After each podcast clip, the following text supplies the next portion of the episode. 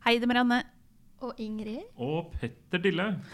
Og vi spiller inn eh, en spesialepisode her hos Kirkens Nødhjelp. Yes, we do. I dag så skal jeg eh, ha en samtale med Sama Anfos i anledning kirkeuka for fred i Israel og Palestina. Sama hun er youth ambassador og kommer fra Palestina og er her denne uka for å engasjere både unge og eldre i spørsmålet for fred i Midtøsten. So, welcome to us, Sama Anfous. And we have looked forward to having you visiting our podcast. Maybe we can start about uh, you presenting a bit about yourself. So uh, I was born in Saudi Arabia, and then we moved when I was a teenager, around 12, 13. Um, because my father said something once, and he said, like, if you do want to do something for your homeland, you have to do it in your homeland, not out. So uh, I was back. I studied uh, journalism, media, and journalism at Birzeit University. Um, I completed a program study uh, in the US uh, about uh, how you how to use media for social change. And then uh, I'm working in Palestine, mainly in Ramallah, and I'm living there as well, um, focusing on how to teach marginalized youth in refugee camps to use media for also making a change. Wow. But you actually were born in Saudi Arabia in a Christian family Yes. and then moved to back home to your parents' homeland in Palestine when you were how old? 12, about 12. Yes. And this were in what a, a year? It was uh, at the beginning of the second intifada. So it was kind of uh, uh, of a hustle to uh, get um, engaged, like to because I was born and raised my childhood out. So being in such a situa- situation and back home was kind of a struggle. Um, to integrate easily was hard, um, but it gave us also kind of a hope since I have this uh, hope and positive energy to make a change. So, uh, with the struggle, I still believe that with our energy and positive energy, we can make a change for our homeland. Yeah. Can you tell about uh, some sort of the daily life that you uh, moved back to? How was it uh, during the second intifada? Yeah during the Intifada, is quite difficult because it's kind of a war. Um, you struggle on movement. Uh, we still do struggle on movement restrictions, but during the Intifada, it was worse. Since uh, daily life was a bit of a challenge, going to school is a challenge. Uh, studying to university, like if you're in a village, uh, as I said, I'm originally from a village uh, close by Ramallah. To go to uh, our university is a hassle, so you may not even reach the university. During Intifada, also many uh, locations are closed. Like you're you're restricted to go out even from your own home. So schools most of the time were closed as well. Um, nowadays, it's quite okay. Uh, on daily life, we do struggle, but there is no kind of uh, closure. Like life is going on, but on a really hustle matter. How is like mostly the movement restrictions, like going back and forth to my village and uh, to Ramallah or to work, um, is difficult because there is a lot of there are a lot of uh, checkpoints on the way, military checkpoints. Um, as people may know, that the West Bank has 100 checkpoints and many settlements around. That caused a lot of road restrictions, like we're not allowed to take certain roads to travel within West Bank. West Bank is should be considered as the UN resolution, an area for the Palestinian people. So still, we do struggle that we have militaries and we have settler settlements and settlers in West Bank. You really took up your father's uh, saying that you have to go back home to your home country to make a change, that you can't do it from outside, but you really have to do it from within. How would you say that you really work on that? Yes, I work on that by using media mainly. Um, so I'm now working directly with ma- marginalized uh, youth, uh, young adults between 9, 12 to 17 years old. So um, since now with the new digitalization and social media, um, we believe everybody can use uh, Facebook to to transfer a message. So I'm teaching these young adults how to photograph like basic photography techniques and videograph as well, and post these things on their social media to break the stereotype of what people know about Palestinians, and also to break stereotypes within the Palestinian context. Since we are quite uh, fragile and we are quite fragmented, we don't easily move from one place to another. So people tend to stay in their places and not know much about refugee camps or about cities. So we have a huge fragmentation within the culture as well. So I'm trying to teach them to use this method, like this tool, which is, I believe, nowadays is a powerful tool, to uh, to just make photos, to make uh, portraits, to make exhibitions. Um, about their daily life struggle or about uh, some nice things they do with culture, sports, and music to transfer it to the inner or an outer world about what they do. But do you see that young people find it um, helpful and finding hope in doing exactly that instead of going into violence or other more destructive ways of handling the daily life? For me, when I was uh, like when we went back to in, during the Intifada, I have never been to a refugee camp as well. So I had even the stereotype of them being like uh, violent people, people who are uh, fed up and they're always um, tending to do to towards drugs and drug dealers and so on. But uh, when I met these people and they really grabbed the techniques from the first day, I told them let's have the camera and go out around the refugee camp and take photos.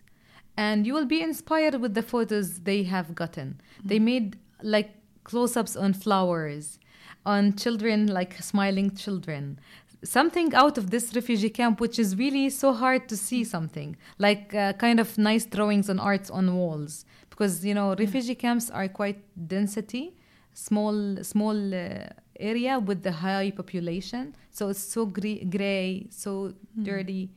Um, popu- uh, polluted and so on. So th- they tried to bring the nice out of this refugee camp. And that, really finding signs of hope. Uh, exactly. Yeah. That that is for me a sign for hope. Yeah and yep. the flower that still is growing inside there and that I find it and Indeed. Yes. really yeah yes. wow um, and now you're here in Norway and traveling a bit around to Norwegian churches and congregations mm-hmm. and talking about your daily life and work and also about a document called Kairos document yes can you tell us a bit about uh, the Kairos document Yes. Uh, so, uh, saying the story about Kairos and me. So, as a Palestinian Christian, uh, we are also affected by this struggle, the daily life struggle we, we, we face from the occupation. Um, and I felt I need also to make a change on a Christian level because people are so fed up. You feel that they don't care anymore to make a change.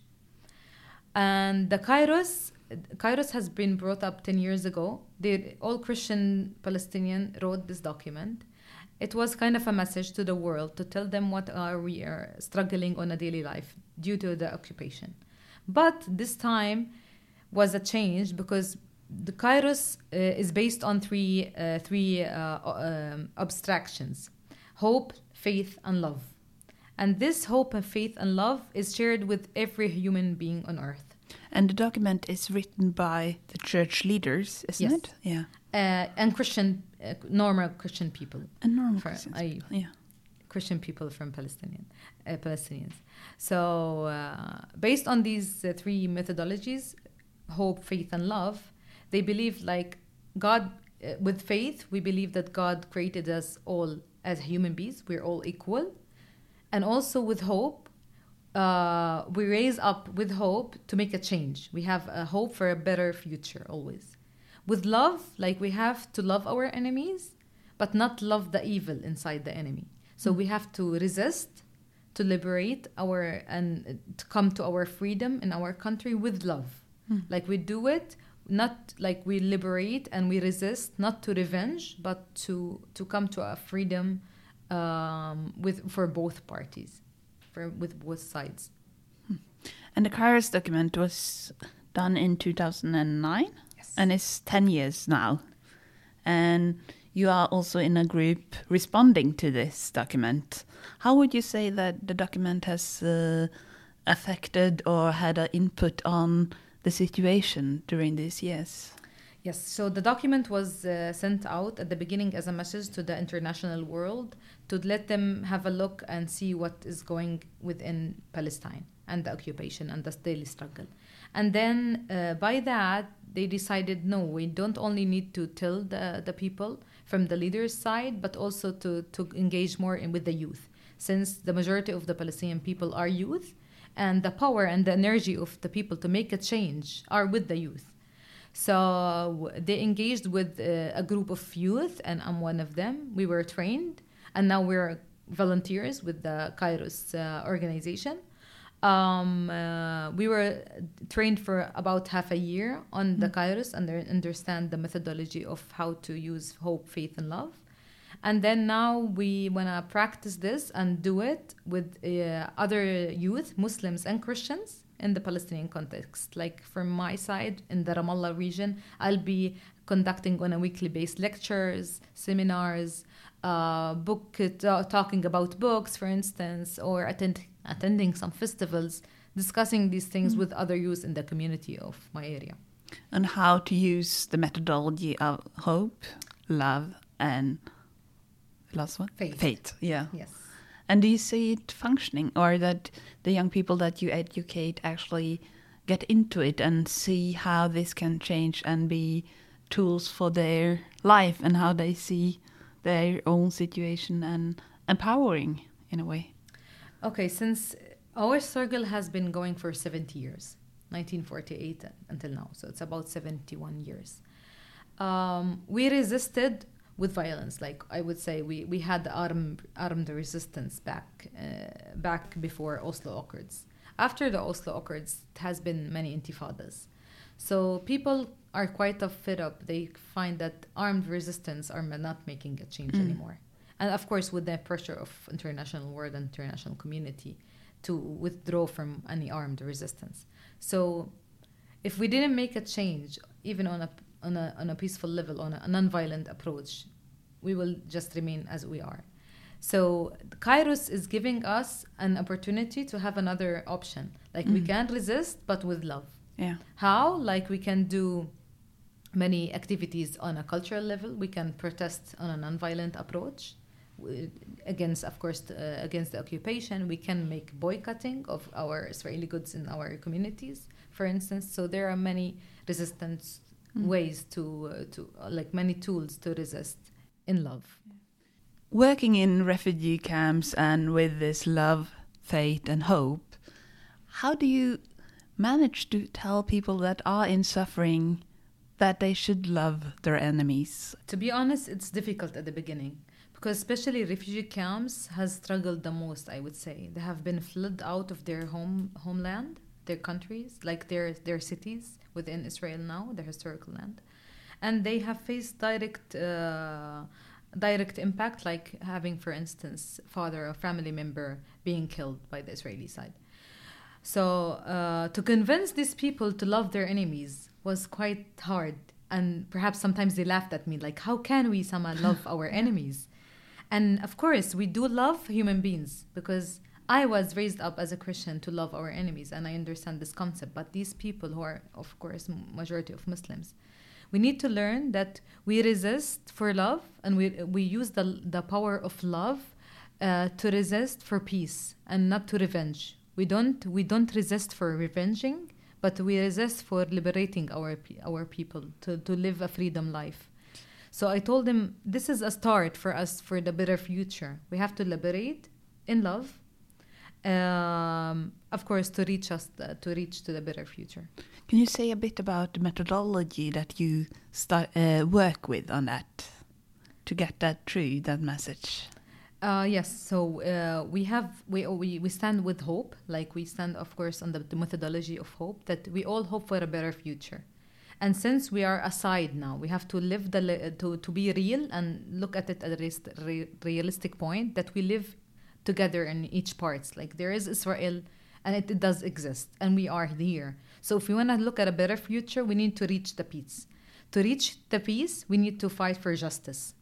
So we, I, I come with them with this with this uh, perception. Like we need to believe that they are all we are all equal and human beings, And by this, and by resisting with love, and the methods of resisting with love, we will reach justice and then liberate.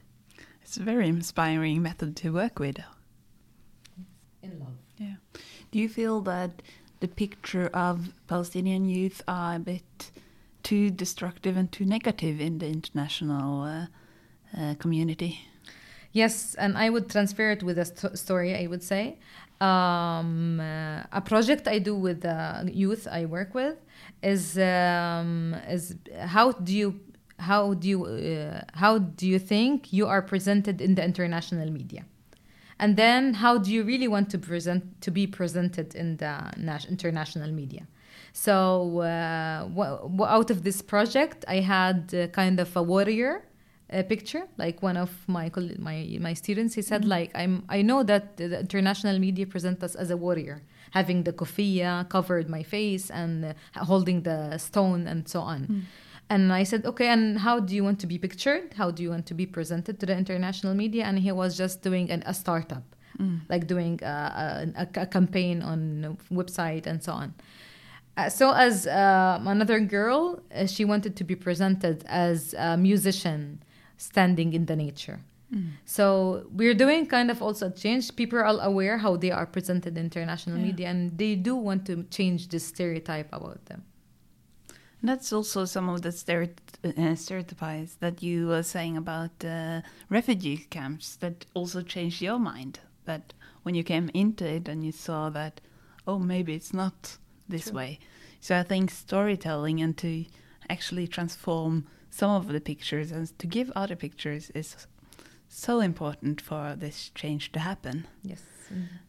In in what way do you think that the Norwegian churches or congregations or people of faith can play a role in building hope for uh, peaceful negotiations between Israelis and Palestinians?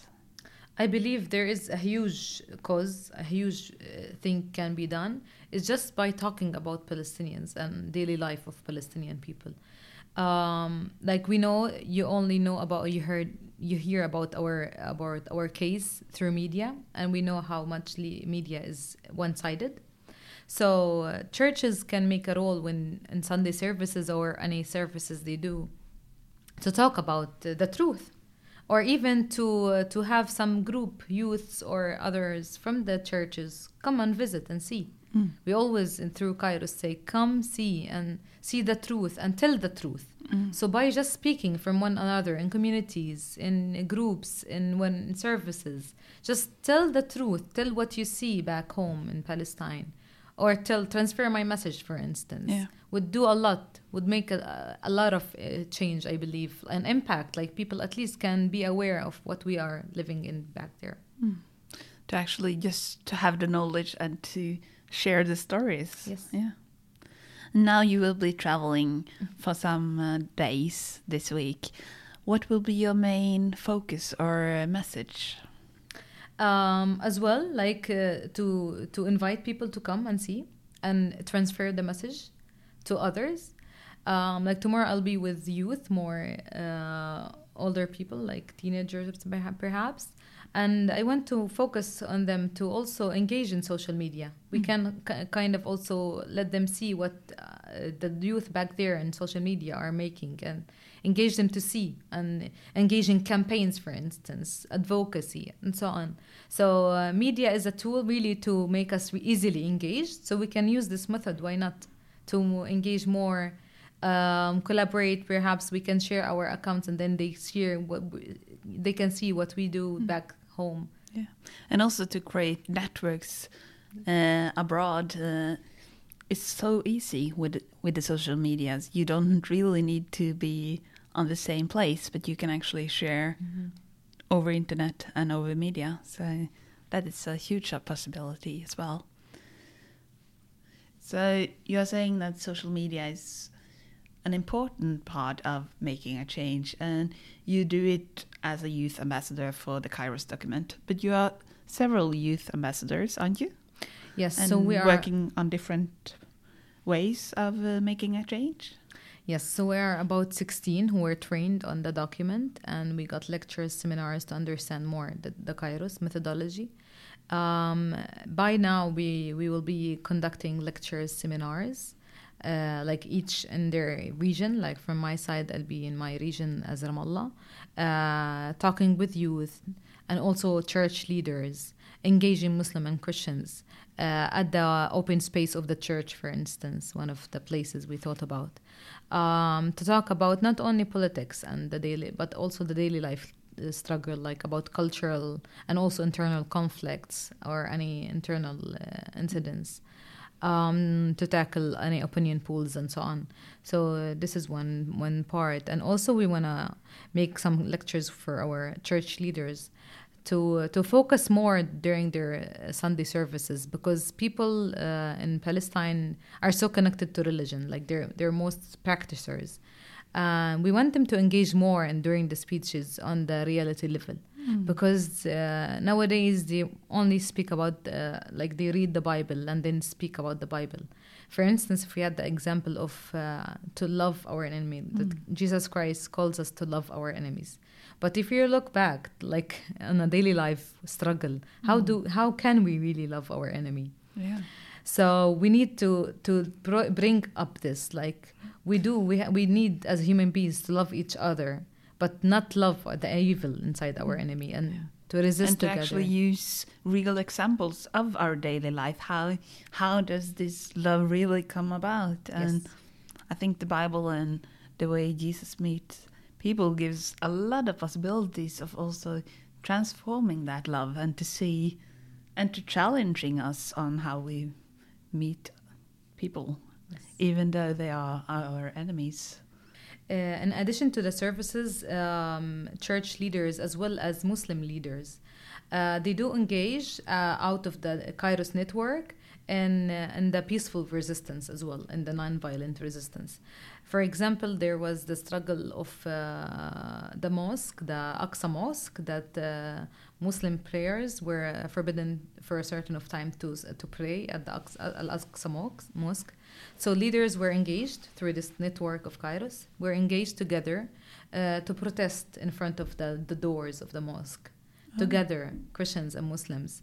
Um, so this support and this engagement with each other as Palestinians, despite the religion, we can it, it, it holds hope for us. You know, we, we stand still with each other in a non-violent resistance, despite the, the of course, despite uh, the stereotype that. Uh, that uh, shows us as as racist and so Yeah. on. So this is one of the good examples as well. When we have any demolition orders on on houses within uh, the areas we live in, uh, how do we protest? We go and pray together, Christians and Muslims Yeah. together beside the houses we were, were demolished. So the media can cover it and show the, the world how mm. we resist and how we protest against the occupation. So Muslims and Christians pray together. Yes, yes. for peace Yes, and indeed. for showing that we live together and we are one people, even though we belong to d- different religions.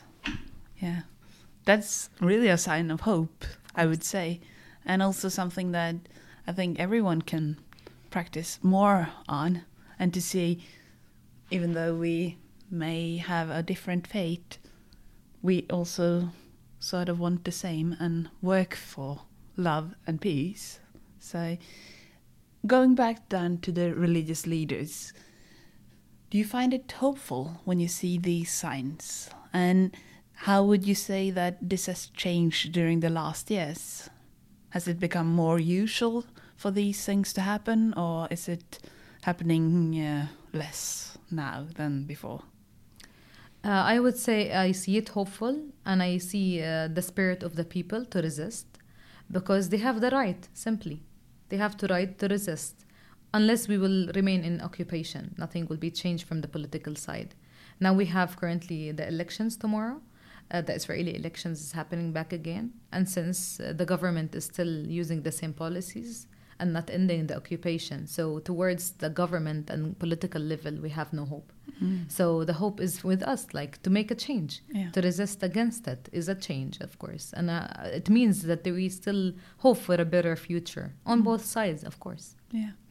Do you see a lot of religious arguments being part of also increasing the conflict or decreasing the conflict now? Um, I would say they're kind of an impact, especially from the internationals, international uh, churches, that some are really um, using the Bible kind of a weapon, um, with with having a position, a political position toward one side than the other. The, so in this matter, this is affecting, of course, badly on the on the case. Yeah. So the Bible is a living word from God, and God is good. He's against, of course, injustice Yeah. and war. So how come we are using the Bible now towards having a position with one side than the other? We are under occupation at the end, and we are the one who are struggling. Yeah. And whatever we are fighting for is we're fighting back for the freedom and liberty of our land. That's what we're all only do. I know many people are asking us to even shut up, like not to speak up um, in the media or elsewhere, and asking us not to resist in any nonviolent approaches. And I keep insisting on the non- nonviolent approaches because this is the the powerful tool I believe in as a Palestinian Christian. Yeah. Um, so we have to stand up against these these also kind of positions that's happening with, from some leaders. Yeah, I think it's very important. And as you're saying, God is good and we are all part of God's creation. And that also means that no human being is more worth than other human beings, I think. So I think we are saying thank you so much, Sama, for being with us today. Is there any last words you would like to share with our audience today? I would say thank you for listening, and I hope this message would reach more and to tell the stories. Like if whomever is listening can tell the story to others as well. Um, and I insist, like if you can't come and see, visit us and see, but you can just search, Google us, and search about. There are many stories. We're doing a lot on an international level. Like we're having a lot of Guinness Accords with culture, music, and sport. And with this, we are really resisting. We're, of course, not against any human being in life, and we do love our enemies, and I insist on this. We do love, and we used to live peacefully, Jews, Christians, and Muslims, back again in the history.